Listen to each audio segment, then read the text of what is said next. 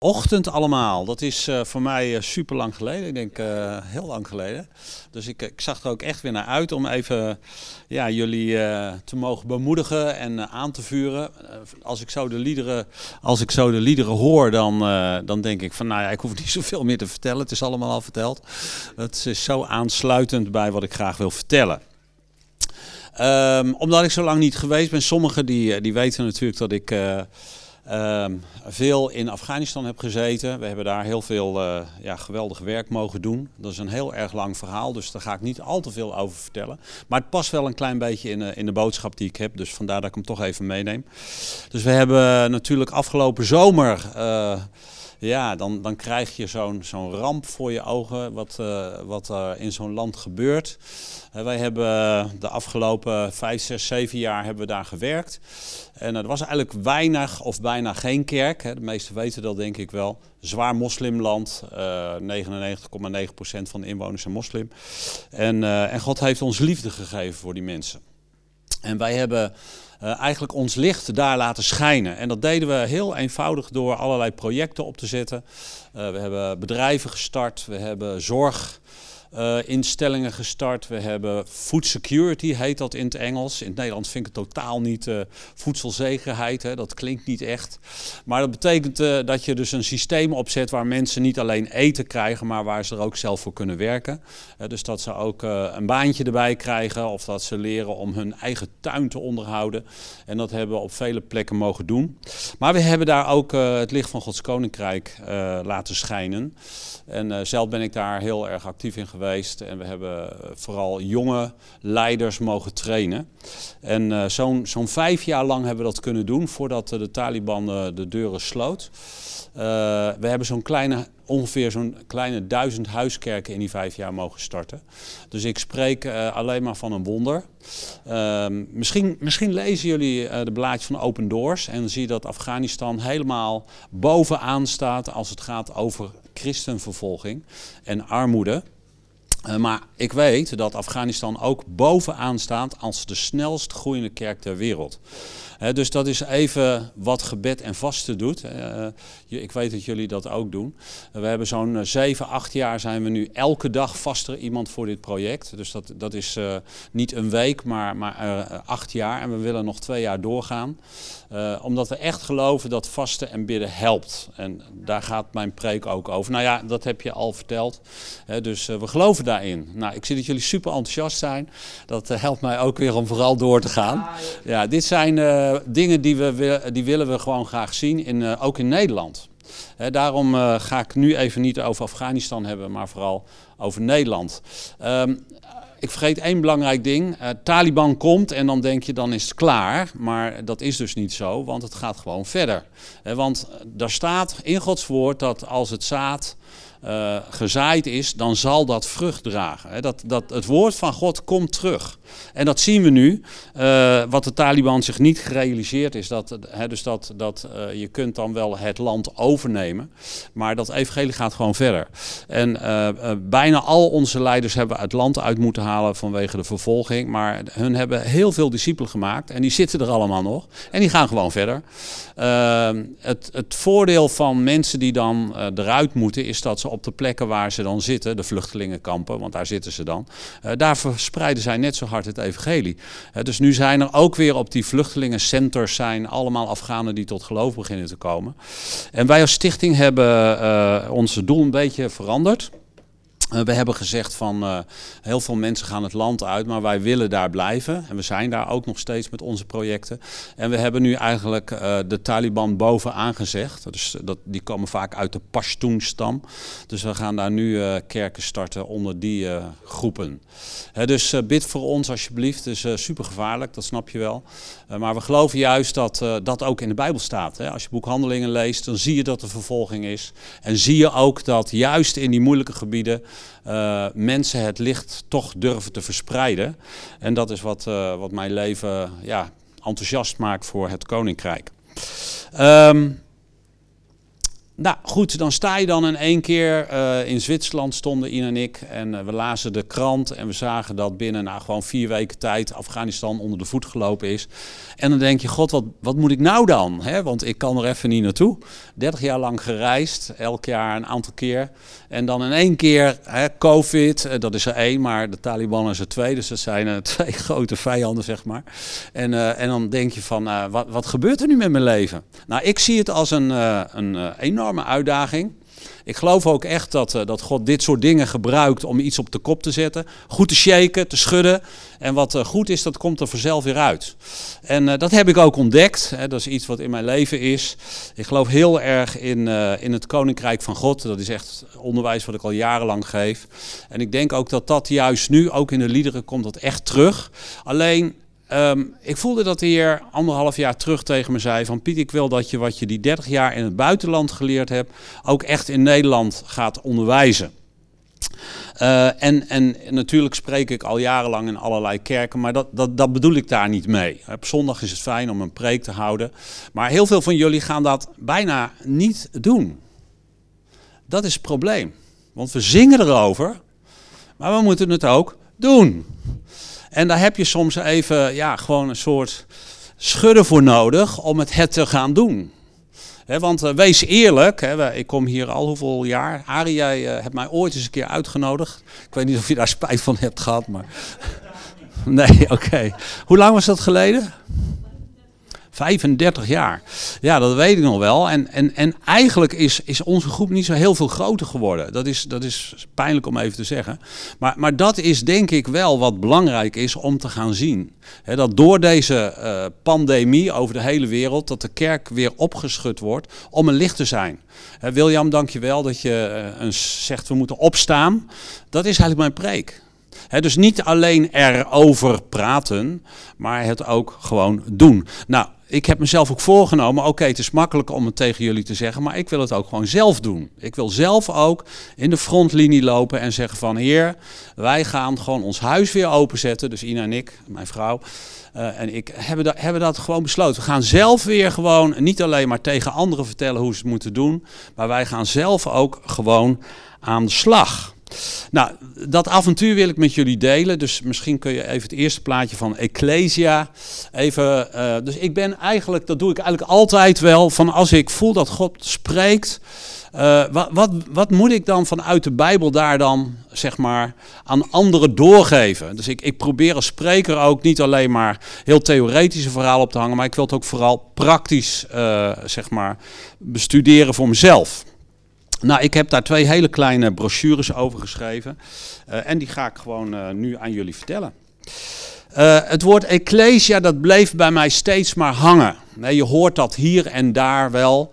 nou goed, het wordt vaak vertaald met kerk. Maar eigenlijk in, in zijn origine zie je dat het vaak gebruikt wordt bij een kleine community van mensen die bij elkaar komen. bijvoorbeeld in Matthäus staat dat heel mooi beschreven. En dan zie je daar waar twee of drie bij elkaar komen, is Jezus in hun midden. Dus het is niet alleen maar hier op zondag in de samenkomst, maar het is ook bij jullie thuis.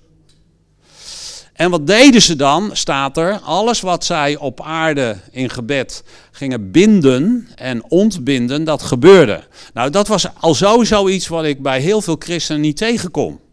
Sommigen die, die weten het eigenlijk niet eens. En dat was eigenlijk het belangrijkste wat de kerk deed. Nou, we gaan even de tekst lezen uit Handelingen, Handelingen 2. Ik heb even mijn moderne Bijbel bij me deze keer.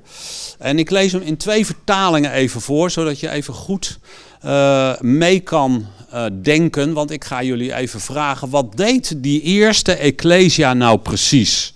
Ik noem bewust even het woord Ecclesia, niet het woord kerk. Hè, zodat je even een, een, een woord hebt wat je niet elke dag gebruikt. En waarom doe ik dat? Omdat we bij kerk al een plaatje hebben daar, daar, zit een bepaald. ga hier maar de stad in en vraag me even waar staat de kerk. Dan wijzen ze meestal dat grote gebouw met die, met die punttoren aan. Dat is de kerk. Nou, in de, in de Bijbel is dat helemaal niet de kerk. Wat is de kerk dan wel? Daar kijken we dus even naar. Goed, vers 42 van het tweede hoofdstuk Handelingen. Alle gelovigen gingen met elkaar om als mensen van één familie. Ik weet niet wat voor familie je uitkomt. Dat is natuurlijk wel heel belangrijk, want de familie kan ook heel pijnlijk zijn. Maar, maar, maar hier wordt het heel positief bedoeld. Ze kregen van de apostelen uitleg over Jezus. En ze kwamen steeds bij elkaar om te bidden en om met elkaar het brood te delen. Avondmaal wordt hier denk ik mee bedoeld.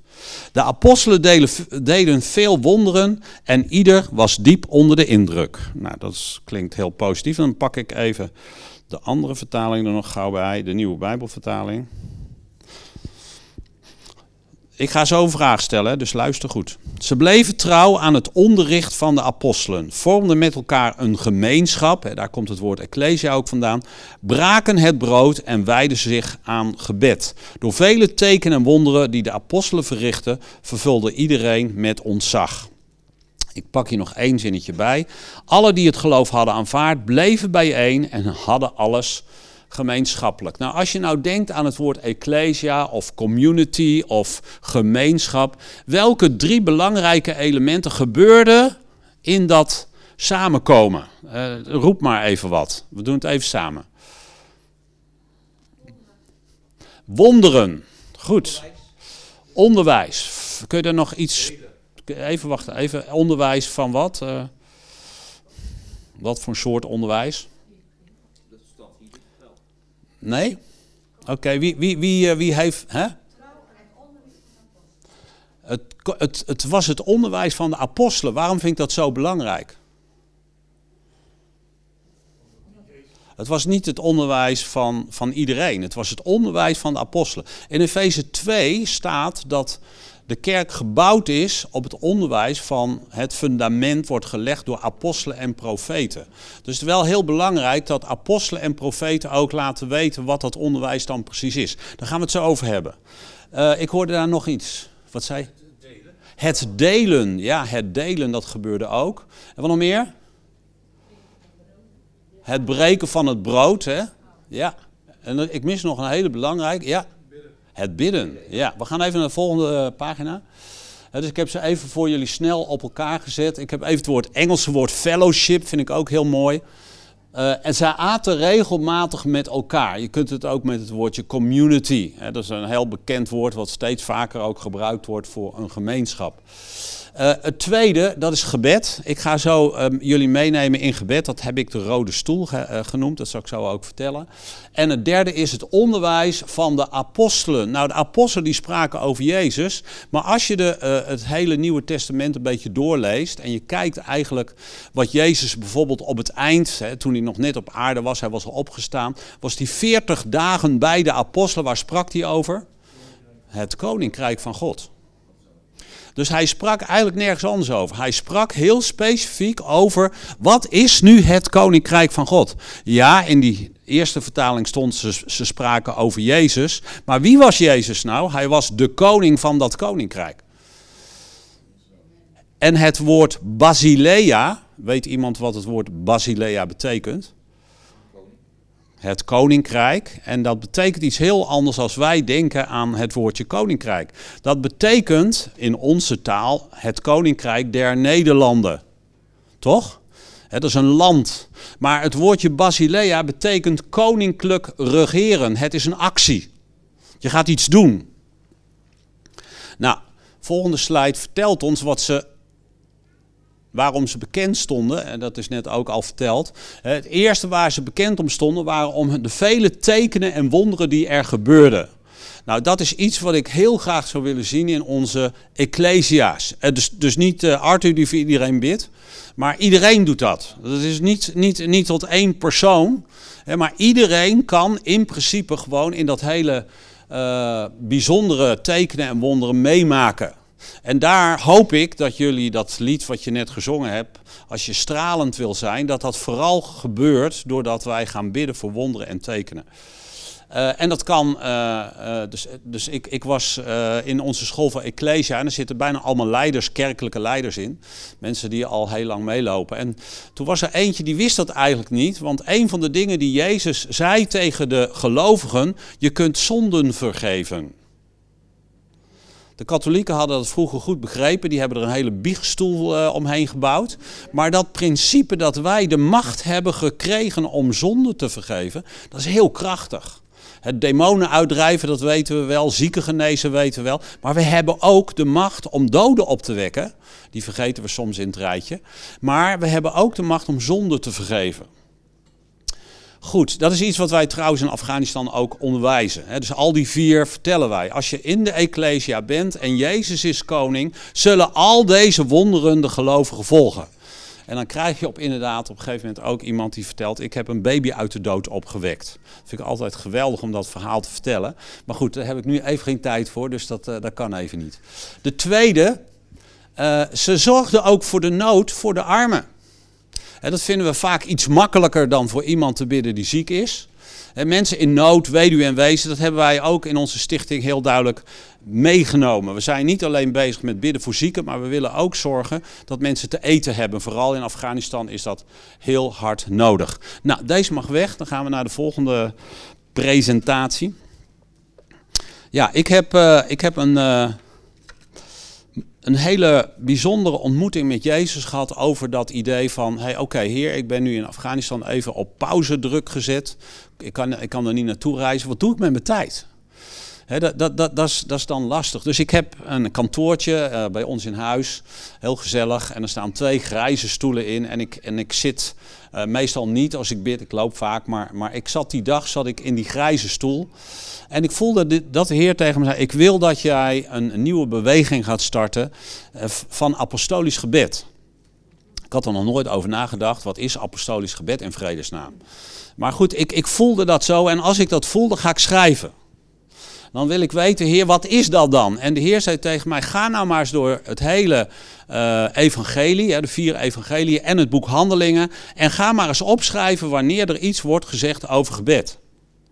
Nou, dat heb ik gedaan. Nou ja, daar ben je wel eventjes bezig. Dus ik ben heel consequent op gaan schrijven, wat wordt er nou precies gebeden? Wat zeiden Jezus en de apostelen over gebed?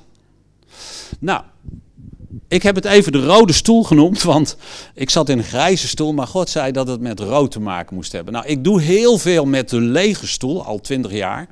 En dan doe ik een soort geloofsoefening, dat gaan wij vanmorgen ook doen. Dus ik ga jullie activeren, hoop ik. Nou, het eerste gebed waar Jezus mij bij bepaalde was, Jezus is koning. Gaan we naar de volgende pagina. In Marcus 1 lezen we, dit is wat hij zei, de tijd is aangebroken, het koninkrijk van God is nabij. Kom tot inkeer en hecht geloof aan dit goede nieuws. Het is dus eigenlijk een gebed van proclamatie. Dat is wat ik al eigenlijk twintig jaar lang, waar ik ook ben ter wereld, dat ga ik doen. Ik zoek altijd de hotspots op, noem ik dat. De plekken waar Satan het sterkste is. Of dat nou een hele grote moskee in Iran is, waar een miljoen mensen per jaar komen. Of dat nou in Afghanistan op een van de hoogste bergen is, waar duizenden en duizenden mensen vermoord zijn. Dat, dat maakt me eigenlijk niet zoveel uit. Ik wil weten, heer, waar heeft de vijand, zeg maar, de deur open gekregen om binnen te komen? Dat kan ook in een gezin zijn. Dat kan ook in een bedrijf zijn. Dat kan ook in de Radboud Universiteit in Nijmegen zijn. Als God dat tegen mij zegt, daar staat een deur open, dan ga ik naar die deur toe om te zeggen, Jezus is hier vanaf vandaag koning. In dit bedrijf. We doen het wel in de kerk misschien. Hè? We zingen vaak over Jezus, u bent mijn koning. Maar het moet ook in de wereld gebeuren. Jezus wil graag een persoon op aarde vinden die zegt: Jezus is mijn koning. Niet alleen voor mezelf. Uh, Anja vertelde dat ook, maar ook in mijn gezin. Ik ben daar helemaal mee eens. Ik geloof namelijk heel sterk dat ik zeg maar het kanaal ben waardoor het koninkrijk van God op aarde zichtbaar wordt. Eén. Maar vandaar ook dat het zich gaat verspreiden. Dat is twee. Dat vergeten we vaak. Vinden we ook lastig. Ik vind, ik vind het zelf nog steeds super lastig. Ik, ik vind het toch wel lekker dat ik daar niks voor hoef te doen. Maar God wil juist dat we in actie komen. Dat wij gewoon het koninkrijk van God op aarde gewoon proclameren. Nou, ik, uh, ik heb al gezegd, de laatste anderhalf jaar wil ik dat ook samen met Ina, willen wij dat ook doen. We hebben dat voor ons huis gedaan. We bidden dat regelmatig, niet elke dag, maar regelmatig. Ik heb ook een, zo'n poppenhuis, rode stoeltje gekocht, dat ik even niet vergeet. Oké, Heer, u bent koning van dit huis. Maar dat bid ik ook voor al mijn kinderen. De kinderen die, die zijn allemaal getrouwd, alle vier, voor hun gezinnen. Voor onze twaalf kleinkinderen. Dus wij geloven dat wij, net als Abraham, een soort stamvader zijn. En wij geloven dat dit is ons autoriteitsgebied. Daar heeft de duivel niks te zoeken. Dat heeft God aan ons gegeven. En daar mogen wij regeren. Dat is, dat is niet, niet zeg maar een vraag, dat is een zekerheid. Wij weten dat 100% zeker dat in dit gebied moet de duivel gewoon buiten blijven. En we doen dat ook. Zometeen zul je dat horen. En ik, ik merk ook, hè, ik, ik, ik, heb een vriend, die is ondernemer, die heeft een heel groot transportbedrijf. En met hem praat, praat ik daar vaak over. Hij heeft twee personeelsleden in dienst die alleen maar bidden. Die betaalt hij ook. Waarom? Omdat hij hierin gelooft. Jezus is koning van mijn bedrijf. Mensen weten dat ook, zijn allemaal niet christenen vaak die daar werken. Maar hij gelooft, het koninkrijk van God wil ik in mijn bedrijf zien. Ik was een keer met een bakker, die heeft een heel groot bakkerijbedrijf, 80 mensen werken daar. Die heeft ergens een doopbad ergens in de grond verstopt. Dan worden mensen van zijn bedrijf af en toe in gedoopt. Een ander vertelde, ja, ik heb geen geld om een doopbad te kopen, ik doe het in een container. Dus hij heeft een grote container er neergezet, wordt af en toe met water gevuld, worden mensen gedoopt. Dat is gewoon op de werkvloer, mensen uit het bedrijf. Daar geloof ik in. Dat doen wij in Afghanistan, maar ja, nu is Nederland ook de pineut. Gaan jullie dat ook doen? Ja, dit, hier, hier neem ik eigenlijk helemaal geen genoegen mee. Ik hoor niks. Gaan jullie dit ook doen? Het is dus niet op zondag zittend op je stoel, maar het is een activatie. Jezus koninkrijk, Basilea, is koninkrijk regeren op de plek waar jij woont en werkt. Waarom kan corona dat wel? Die besmet alles.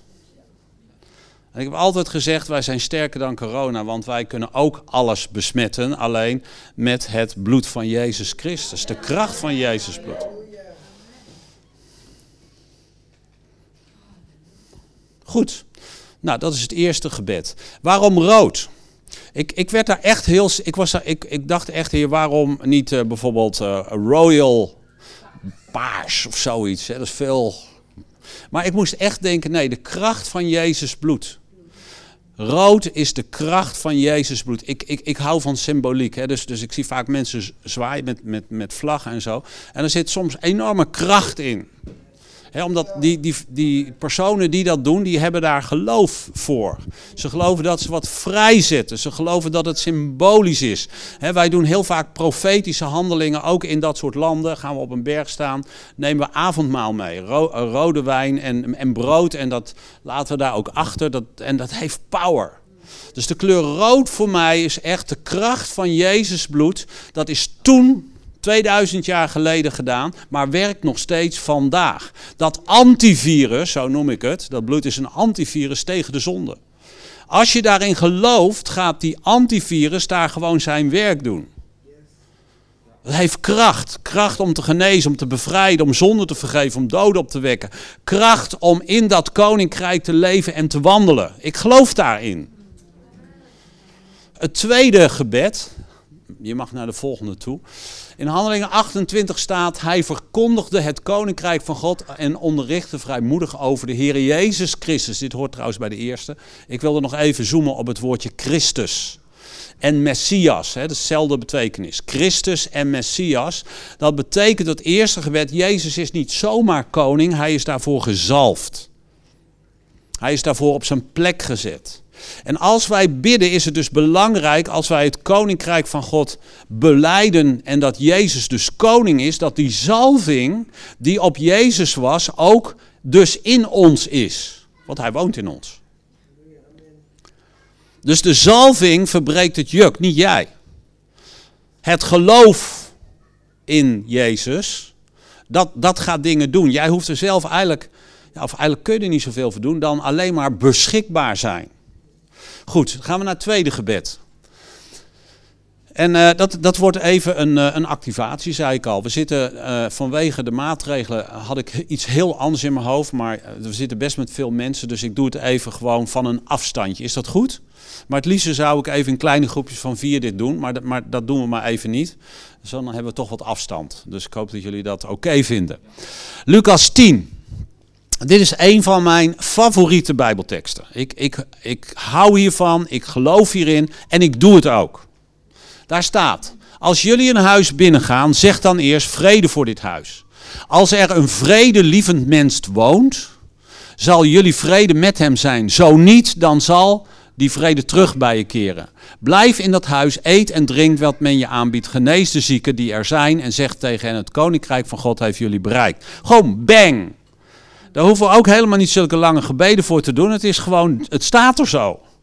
Nou, ik vind dat super moeilijk. Ik, het, lukt me ook vaak niet. Ik zeg wel eens in de grap: Ina heeft meer resultaat met haar pillen dan ik met mijn gebeden. Ina werkt in een apotheek. Uh, en dat, dat is, eigenlijk is het ook wel een beetje zo. Maar ik blijf het gewoon proberen.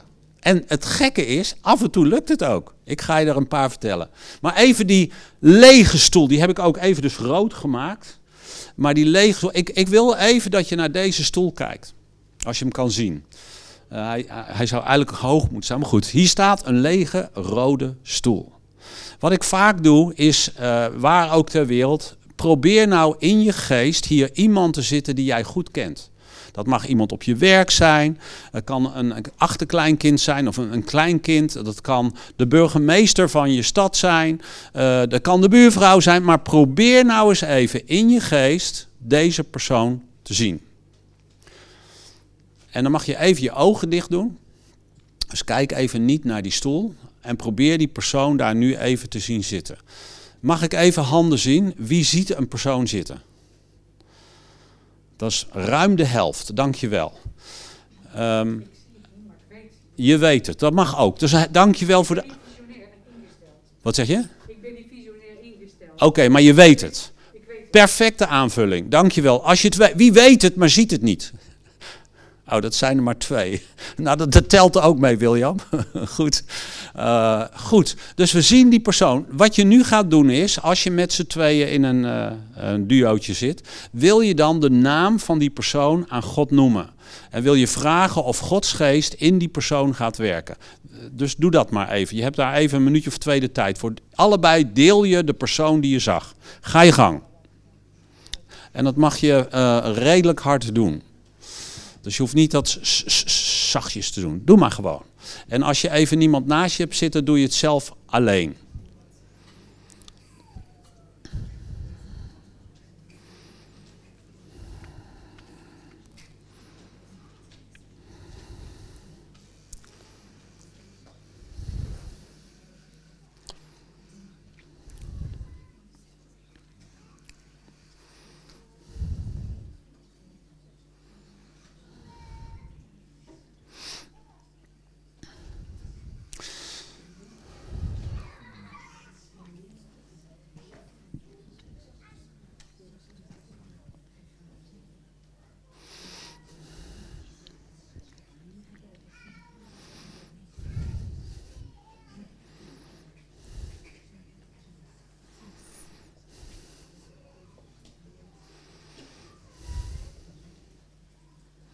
Oké.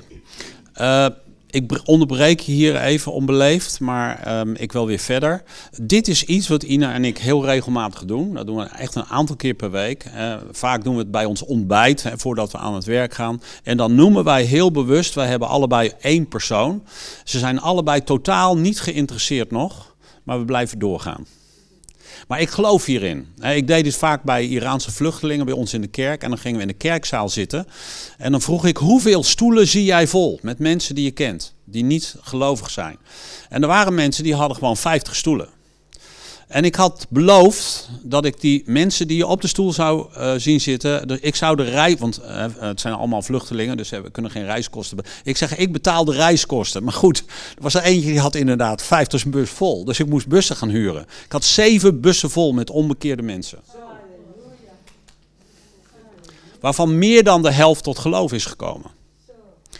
Dit doen wij in Afghanistan. Met al onze mensen leren wij helemaal aan het begin, als ze tot geloof komen, pak een stoel. Of een, we doen dat daar vaak met een rood kussen. Hè, eh, zie daar iemand op zitten. Ga ervoor bidden. Bij, eigenlijk bij iedereen is dat de partner. Hè, want eh, meestal zijn ze het nog maar alleen tot geloof gekomen. Alle leiders hebben al hun partners op die manier tot geloof zien komen. Allemaal. Waarom? Het is niet een matter wanneer het, het is niet een, eh, of het gebeurt, maar wanneer het gebeurt. Het is het volhouden, het volharden, net zolang tot die persoon gewoon uh, zijn hart open gaat stellen voor Jezus Christus. Nou, de persoon die op mijn rode stoel zit, daar bid ik al 17 jaar voor, dat is mijn broer. En die is super hardnekkig, ik snap dat ook. Maar ik geloof nog steeds, er zijn ook woorden over gesproken, dat dat een keer gaat gebeuren. Terwijl ik voor die lege stoel bid en geen succes zie, zie ik gek genoeg, dat gebeurt bijna altijd, dat iemand anders wel tot geloof komt. Ik ga je twee verhalen vertellen. Eén uh, student van onze school voor Ecclesia, die ken ik al heel lang, echt al jarenlang. Uh, is een hele toegewijde christen, maar die heeft nog nooit iemand tot Jezus mogen brengen, terwijl ze dat eigenlijk heel graag wil. Dus ze heeft er alles voor gedaan. Maar ze heeft nog nooit in al die jaren, ze is uh, achter in de 50, maar ze heeft nog nooit iemand tot Jezus gebracht. En ze zei, ja, dat moet veranderen. Want, want God heeft jou zo'n hart gegeven voor onze stad, Haarlem. Daar woon jij midden in de stad. Ze heeft daar een hartstikke mooi huis gekocht, want ze gelooft het koninkrijk van God moet in het centrum van de stad komen. Dat is haar profetische handeling. Ze loopt daar, ze bidt daar. En ik zei, we gaan, we gaan gewoon samen voor die, voor die rode stoel bidden. Nou, ze heeft daar iemand op zitten. En laat nou net niet die persoon tot geloof komen, maar wel een kennis. En echt, het was gebeurd. En direct appte ze, Piet, het is gebeurd. Ik heb iemand tot Jezus gebracht. Nou, we zijn natuurlijk, en dat zeggen we dan, we hebben niet de uh, bediening van allemaal van evangelist. En daar ben ik mee eens. Hè. Als je uh, naar mij en Ina kijkt, we zijn totaal verschillend. Maar we hebben wel allemaal de verantwoordelijkheid om getuige te zijn. En de ene doet dat liever met zijn handen. Breng een bakje soep bij je buurvrouw. Maar het gaat erom, waar ik je graag in wil activeren, is, is dat jij beschikbaar bent voor Gods geest. Dat je geactiveerd wordt regelmatig. En dat je jezelf activeert om op zijn minst, als de Heer iemand bij je wil brengen, dat je beschikbaar bent. Ook als je geen evangelist bent. want dat is vaak toch het eerste excuus wat we allemaal hebben. ik ben eigenlijk ook niet echt een evangelist. Maar ik wil beschikbaar zijn. Dat wil ik echt. Op een gegeven moment, ik had hier een vriend mee naartoe genomen, hij heet Wout. Hij staat ook in mijn nieuwe boek. Uh, in het tweede hoofdstuk, geloof ik. Dus ik, ik raad je aan om dat hoofdstuk echt eens te lezen. dat nieuwe boek, daar vertel ik over hoe mensen eigenlijk jarenlang christen zijn. Maar dat God hun, net als Paulus, plotseling anders laat zien.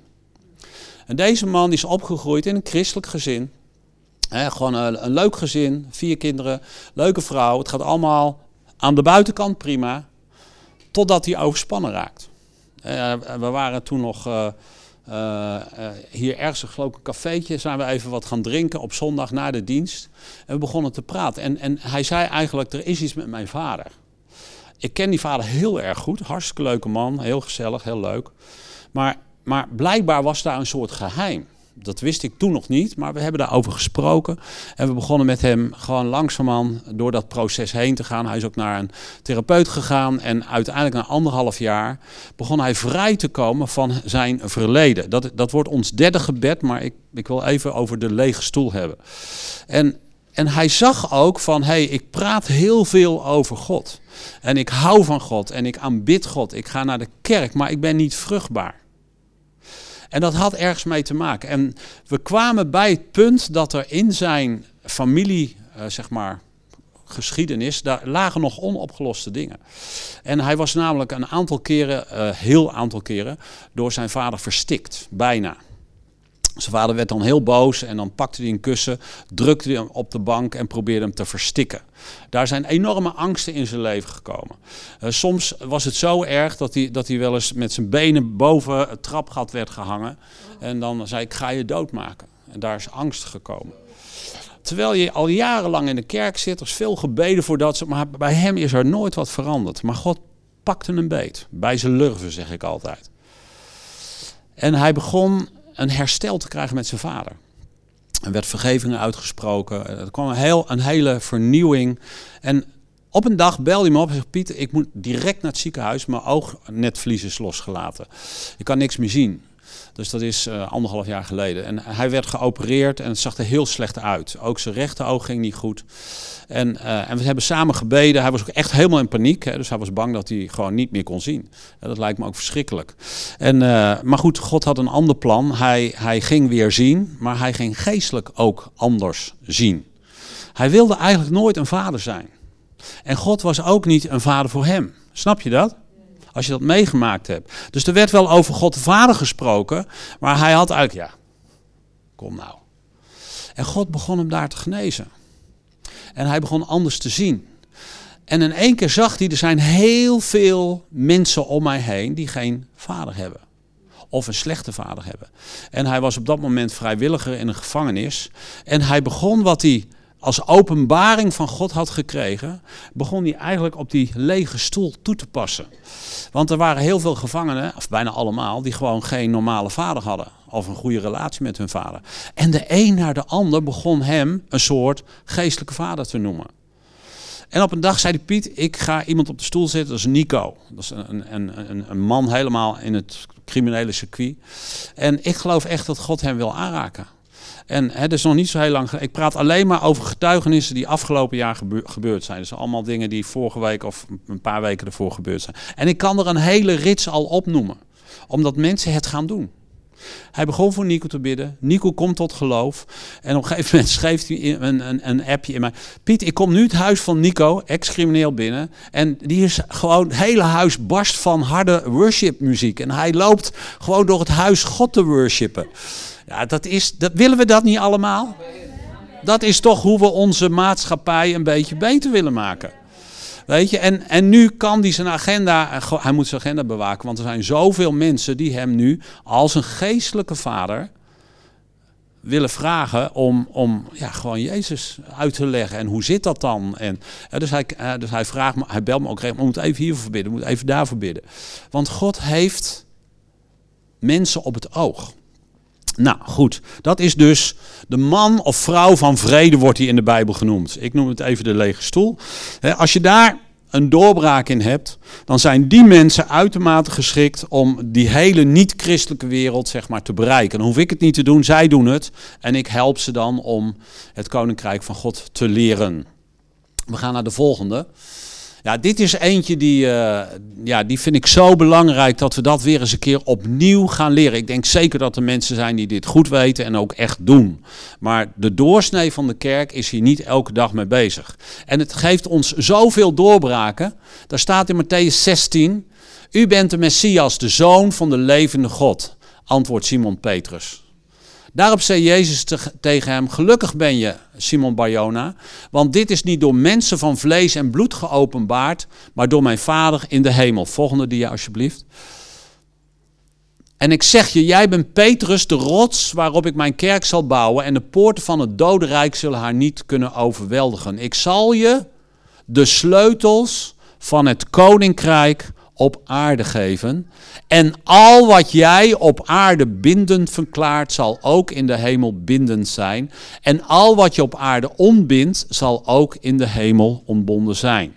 In een andere tekst in Matthäus 18 staat: Waar twee of drie in mijn naam vergaderd zijn, ben ik in hun midden. Nou, wat, wat is het derde gebed voor mij, wat eigenlijk het allerbelangrijkste is? In op de rode stoel is ook een soort troon. Het is ook een plek, een rustplek. En iets wat ik uh, in mijn hele drukke leven wel eens vergeet, is in de aanwezigheid van God te komen. Gewoon er te zijn waar Hij is. Dus niet met voorbeden, niet met van allerlei dingen die ik allemaal wil vertellen tegen Hem, maar gewoon ga nou eens in die stoel zitten en relax. Kom in de aanwezigheid van God. Laat Jezus over je komen. En als je druk bent, zoals ik, is dat lastig, want je hebt van alles in je hoofd. wat ik dan vaak doe, ik pak even een, een, eh, ik doe het soms op mijn telefoon, soms op mijn, mijn laptop, schrijf ik even gouden dingen op die in mijn hoofd zitten, zodat ze eruit zijn.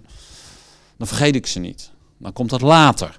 En dan heel langzaamaan begin je weer in die aanwezigheid van God te komen. Ik rij heel veel in de auto en ik heb ook geleerd om niet meer de telefoon op te pakken. Soms doe ik dat omdat het even moet, maar in de meeste gevallen laat ik dat ding uit. En zet ik worshipmuziek aan. Ik wil ook niet al die corona-verhalen horen. Dus ik wil gewoon lekker bij de vader zijn. In mijn auto, dat kan ook. Het is, het is net maar wat het beste bij je past. Wil je liever op bed blijven liggen in de tegenwoordigheid van Heer? Kijk uit dat je niet in slaap valt. ik, ik val in slaap als ik in mijn bed lig. Maar dat, sommigen vinden dat ook prima. Gewoon midden in de nacht, vaak om drie uur word ik wakker. En vroeger ging ik er dan uit, maar nu word ik wat ouder en wat grijzer. Denk ik van nou, ik blijf lekker liggen, maar ik ben wel in Gods aanwezigheid. Ik laat God tot mij spreken, weet je. Dat is eigenlijk het begin van wat Hij wil laten zien. Wat Hij wil beginnen. Nou, dat binden en ontbinden, dat was iets wat ik van Dirk Prins heb geleerd. Ik heb jarenlang met Dirk Prins gewerkt en vaak ook met hem over de aarde rondgereisd. En hij, was daar een, echt een expert in. Het breken van, van vloeken. Uh, en ik, ik wil je weer zo'n heel praktisch verhaaltje vertellen. Nou goed, die mensen die zijn bij sommigen bekend, dus ik noem even geen namen. Maar uh, ik ken een aantal mensen bij ons in Shelter. En die ken ik echt al heel lang. Het zijn ook vrienden van ons. En we komen regelmatig bij elkaar. Maar op een dag zei Piet, ik ben stik jaloers op jou. En ik ben eigenlijk heel jaloers op al die mensen waar jij naartoe gaat. Ik zeg, dat heb ik nog nooit van je gehoord. We kennen elkaar zo lang. Waarom ben je jaloers? Ja, zegt hij, er gebeuren zoveel dingen daar. Want Ina en ik hebben dus ons huis opengesteld, maar wij gaan ook heel vaak naar mensen toe die dit willen. En dan leren wij hen, wat is nou een ecclesia? Gewoon lekker veel eten, dus daarom groei ik ook erg. Dus ik moet altijd mijn best doen om, dat is wel een van de nadelen van dit, van dit onderwijs, je wordt er dikker van. We eten veel. En Ina die kookt super, lekker. En dat vind ik ook helemaal te gek. We hadden afgelopen eh, vrijdag een hele groep uit, uit Goes. Die kwamen helemaal uit Goes. Die willen dit leren. Jonge lui. Ina had weer van alles lekker klaargemaakt. Nou, ik, ik, nou moet ik weer een hele week vasten om... ja. Maar goed, dus, uh, dus deze vriend was jaloers. Want hij, hij hoort elke keer, elke keer komen we terug met, met verhalen. Dus een van de verhalen, eh, ik zal één verhaal vertellen. Wij hebben ook in Rusland zo'n ecclesia. Uh, we begonnen met twaalf mensen, even om je te bemoedigen. Twaalf mensen en er waren er nog maar vier van over. Dus er gingen heel veel mensen weg. Maar we bleven volharden in het onderwijs van de apostelen. Dus eh, dat hebben ze gedaan. Ze hebben alle 40 principes over het koninkrijk hebben ze geleerd. En als ze halverwege zijn, wordt de vraag gesteld: oké, nu heb je de eerste principes geleerd, hoe je het koninkrijk binnen moet komen, wie Jezus is als koning en uh, wat het koninkrijk is. Ben je bereid om nu een discipel te worden? Niet follow, maar dis discipel. En dan moeten ze keus maken. Wat dat betekent dat je het niet alleen meer hoort, maar dat je het ook gaat doen. En een van de dingen die ze moeten doen is de rode stoel. Wie, is die, wie, wie komt daarop? En binnen een half jaar verwachten we dat er iemand op die rode stoel tot geloof komt die jij gaat trainen. Dat is het onderwijs. Dus niet de leider doet dat, maar jij gaat dat doen. En dat gebeurt. Nou, een van die studenten is Ludmila. Een hele aardige vrouw, heel stilletjes. Um, als, ze zou hier gewoon in de gemeente kunnen zitten en niet opvallen. Zo iemand is dat. En zij hoorde over dit derde gebed. Ik, ik heb dus de autoriteit op de plek waar ik werk om te binden en te ontbinden. Nou, zij is operatieverpleegster. Dus zij staat elke dag in de operatiekamer bij twee verschillende chirurgen. Eén is leuk, de ander niet. Die vloekt de hele dag. En net die dag stond ze bij de slechte in de operatiekamer. Het was een gewone dag, geen spectaculaire operaties. Uh, het was een kleine ingreep. Maar het ging helemaal fout. Dus het ging totaal fout. Dus eh, zoals de chirurg gewend was, hardvloeken, schreeuwen. Iedereen begon te hollen. Er moest van allerlei apparatuur aangesleept worden, want de patiënt ging dood. Nou, Ludmila heeft geleerd om één uit te spreken dat Jezus haar koning is. En toen dacht ze, ja, ik ben nu wel een, volle, een volger, maar ik moet eigenlijk een discipel worden. Dus wat besloot zij te doen? Midden in de operatiekamer ging ze staan handen omhoog en zei: Jezus, u bent hier koning. Iedereen kon dat horen. Dus niet zo: Jezus, u bent hier koning. Nee, maar u bent hier koning. En ik bind deze geest van de dood in die patiënt. En hij zal weer leven. Binnen vijf minuten was de operatie klaar. Patiënt was niks meer aan de hand. En de hele operatiekamer was totaal beduusd wat hier gebeurd was. Het was dus niet een chirurg die succes had, maar Ludmila, de verpleegkundige. En de, en de, chirurg kwam uit en zei: Ludmila, dit is een wonder. Want deze patiënt moest dood zijn. Maar door jouw gebed ben ik gaan inzien dat ik moet stoppen met vloeken. Ik wil niet dat hier ooit meer in mijn operatiekamer gevloekt wordt en dat we alleen nog maar jouw God eren. Dat is gewoon twee, drie weken geleden gebeurd.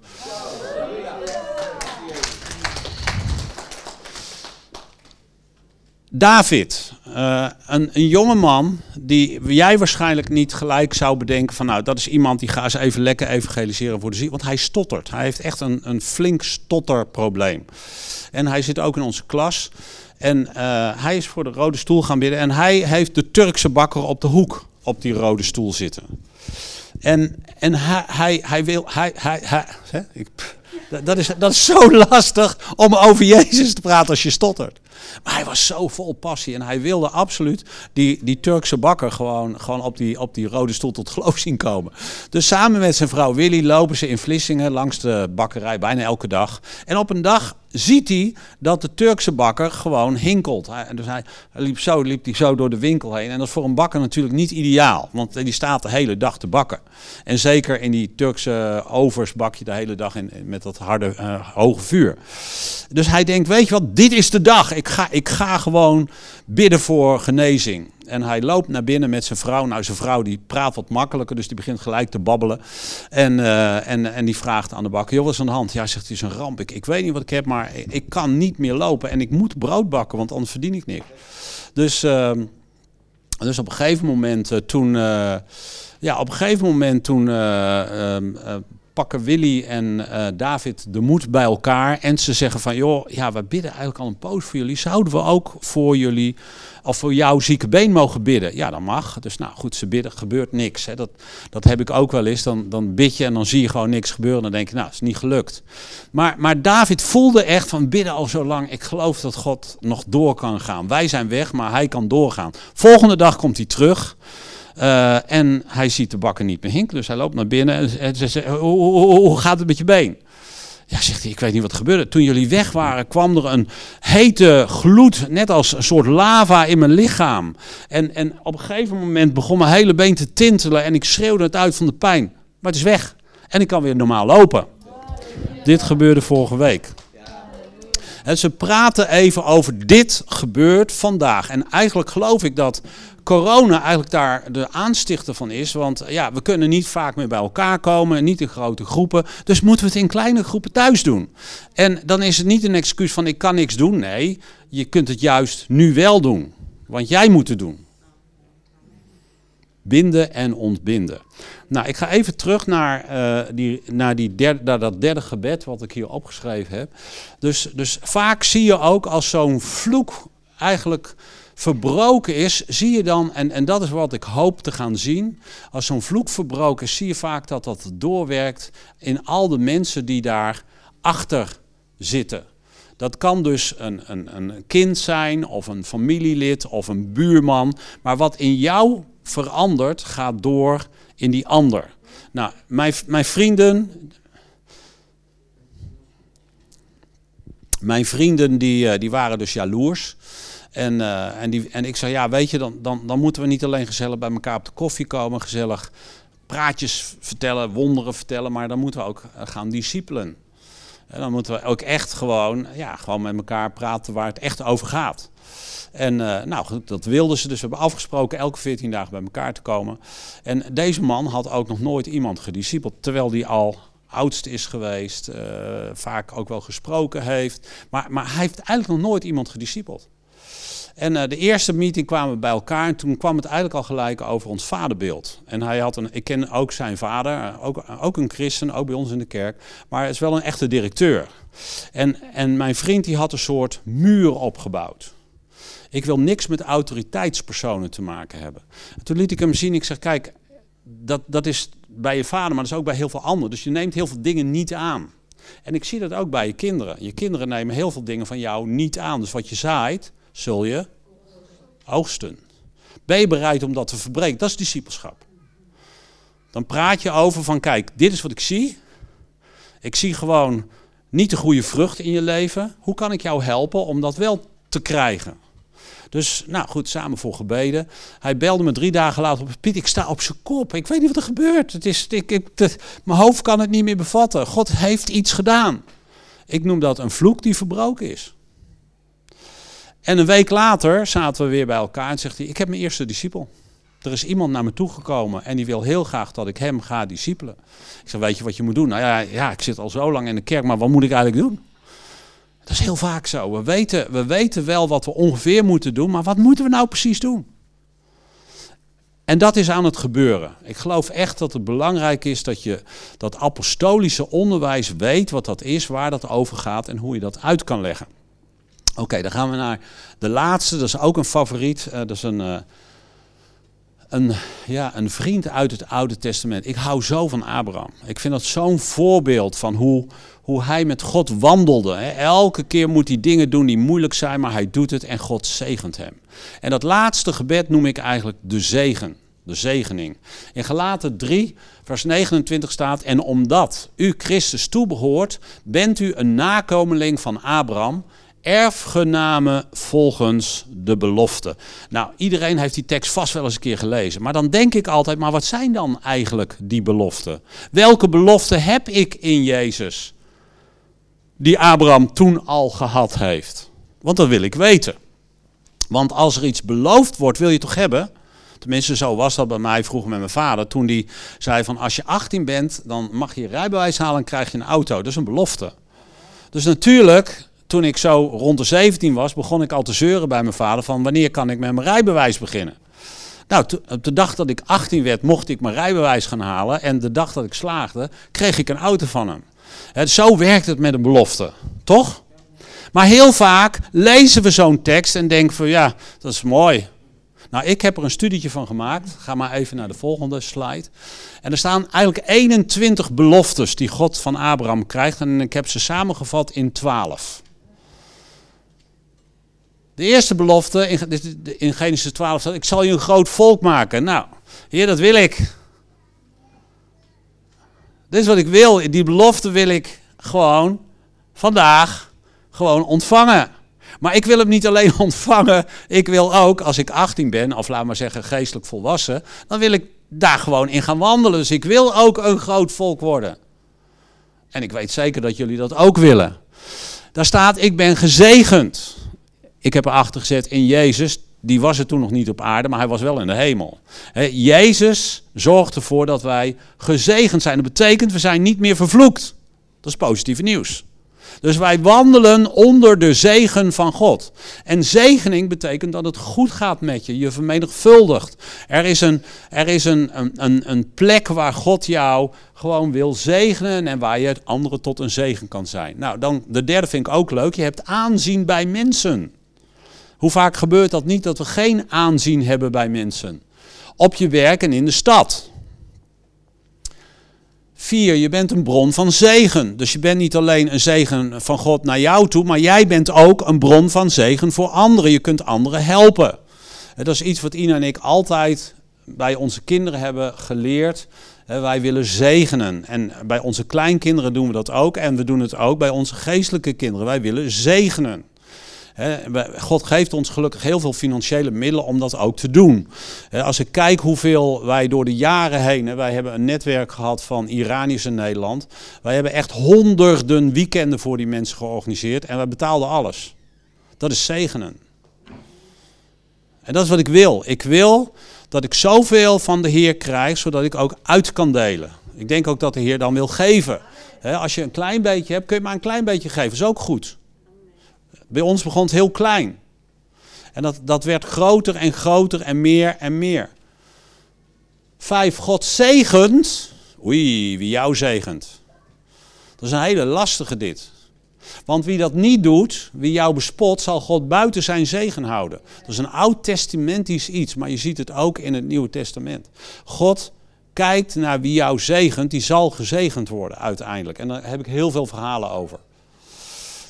Ik ga het gewoon even vertellen, toch even, uit Afghanistan. Dit is zo'n spectaculair verhaal. Een van mijn leiders werd opgepakt, uh, was uh, verraden, was christen.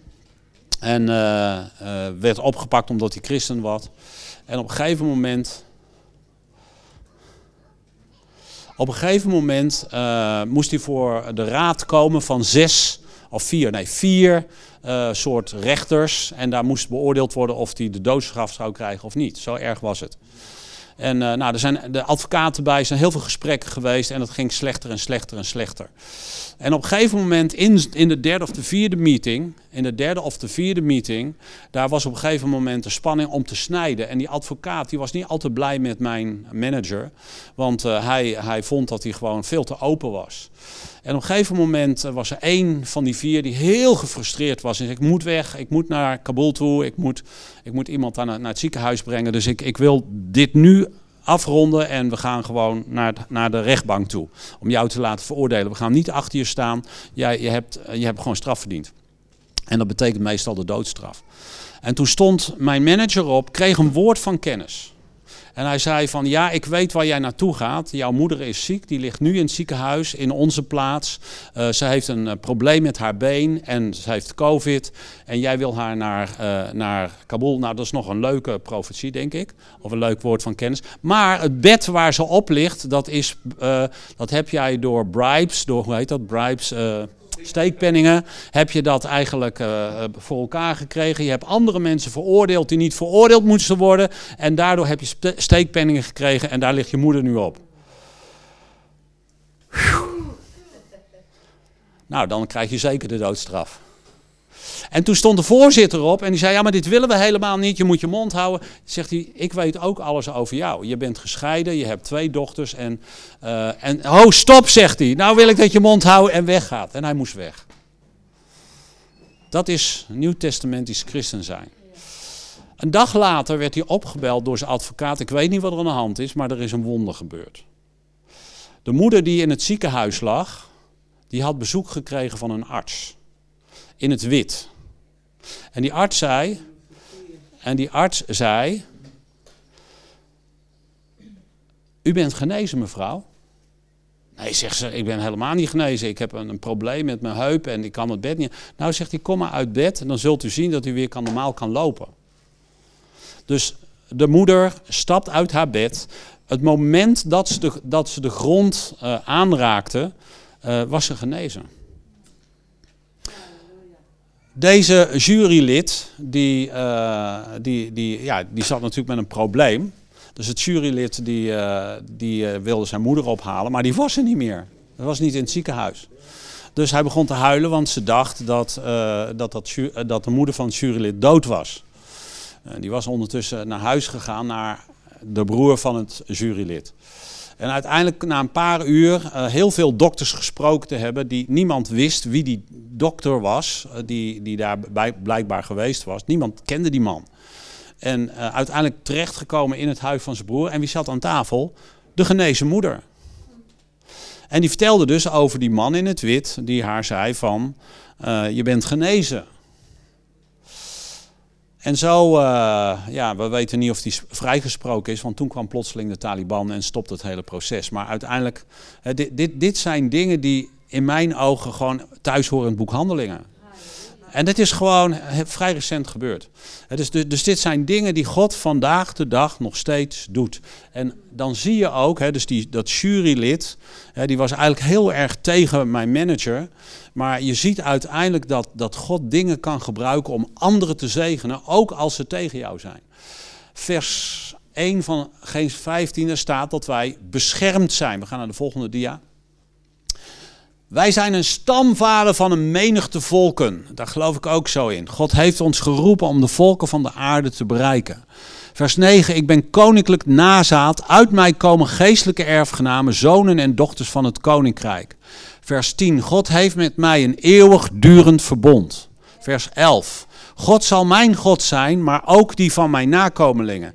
Hoe vaak hoor ik uh, opa's en oma's, vaders en moeders niet eigenlijk uitroepen naar God: God, red mijn kind. In de belofte staat dat elk van jouw kinderen en elk van jouw kleinkinderen, uh, als je die hebt, uh, dat, dat daar een belofte voor is. Ga erop staan. Nee, wij waren met uh, kerst waren we bij elkaar op, twee verschillende locaties. We hadden daar een heel, heel groot huis.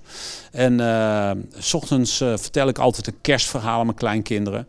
Maar goed, die kleinkinderen worden langzamerhand groter en groter. Dus ik, had, ik heb ook kleinkinderen van 14 en 13. En die kwamen met z'n allen op, op ons bed van opa en oma. Zes waren dat er in dit geval. En ik vertelde ze over uh, het verhaal van, van, van, van, uh, van een jongen die, uh, die gewoon op school gepest werd. En hoe God met engelen en, en, en hem bescherming bracht. En aan tafel merkte ik gewoon dat al mijn zes kleinkinderen begonnen daarover te praten. En dat ze allemaal daarmee bezig zijn. Dat ze allemaal bezig zijn om hen, hun leven met God in te richten. En de een veel meer dan de ander, maar ze wilden allemaal, alle zes, wilden zij gewoon dat soort dingen meemaken. Mijn kleinzoon Esra, vind ik het leukste voorbeeld, die zegt, opa, ik wil ook echt engelen zien zoals u. Ik wil, ik, dat wil ik echt. En op een dag was hij ver van zijn huis en kreeg hij uh, problemen met zijn fiets. De ketting ging eraf. En uh, hij bad tot Jezus, Heer, hoe moet ik naar huis komen? Help mij. En plotseling stonden er twee hele oude dametjes. Echt, waarvan je niet denkt, die kunnen de ketting erop leggen. En, uh, en, en die twee oude, jonge man, kunnen wij jou helpen? Hij vertelt het ook heel erg grappig. Uh, en Esra denkt, ja, kunnen die twee vrouwtjes mij helpen?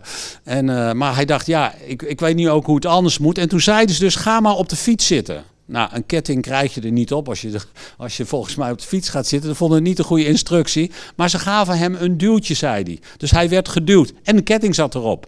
En de vrouwen waren weg. Ze waren er niet meer. Hij kon ze niet meer vinden. Ze waren gelijk weg. Nou, hij zei, dit zijn engelen. Ik denk, goed zo. ja, goed zo. Nou, dus God zal mijn God zijn en die van mijn nakomelingen. En dan twaalf, ik zal de steden van de vijand in bezit krijgen. Nou, ik ben precies om twaalf uur klaar, Arthur. Ik zal de steden van de vijand in bezit krijgen. Dat is toch wat we willen? Rotterdam, Etteleur, maakt niet uit. Wij hebben een belofte.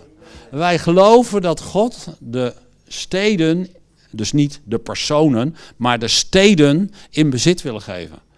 En ik hoop dat jullie samen met mij ook dat hele Ecclesia weer echt fanatiek op gaan pakken. En geloven dat jullie een instrument mogen zijn. Dat je een instrument mag zijn van Jezus Christus in jouw stad, in jouw gezin, in jouw straat. Als je alleen bent, zoek iemand op die het samen met jou doet. Want er zijn natuurlijk mensen die gewoon alleen zijn. Maakt niet uit. Je kunt altijd wel iemand vinden die samen met jou dit wil doen. Samen die vier principes van gebed wil toepassen. En niet alleen op zondag, maar gewoon zo vaak mogelijk. Goed, um, ik heb twee boeken die ik je even aan wil prijzen. Uh, want daar staan heel veel van dit soort verhalen in die ik nu niet kan vertellen. Uh, heel veel van mijn leven staat in het boek Ik Ben. Uh, dat, dat is eigenlijk een verhaal over hoe ontvang je geestelijke autoriteit en verantwoordelijkheid in het gebied waar jij woont en werkt. En het tweede verhaal is als het koninkrijk van God komt, let op, dat boek is voor de tweede keer uitgegeven, dus misschien heb je hem al. Er staan heel veel verhalen in van mensen die echt radicaal veranderd zijn en die hun omgeving daar ook in veranderd hebben. Zeg je van nou, ik heb het allemaal niet bij kunnen houden, ik heb ook uh, dus dit soort boekjes waar eigenlijk de preek in staat, die kun je ook uh, achterin kopen. Ik heb zowel voor, als je een kaart hebt, mag je dat doen. Je kunt ook contant doen, dus kijk maar als je het wil. Dan, dat scheelt mij heel veel verteltijd. Nou, ik hoop dat je genoten hebt en dat je het gaat doen.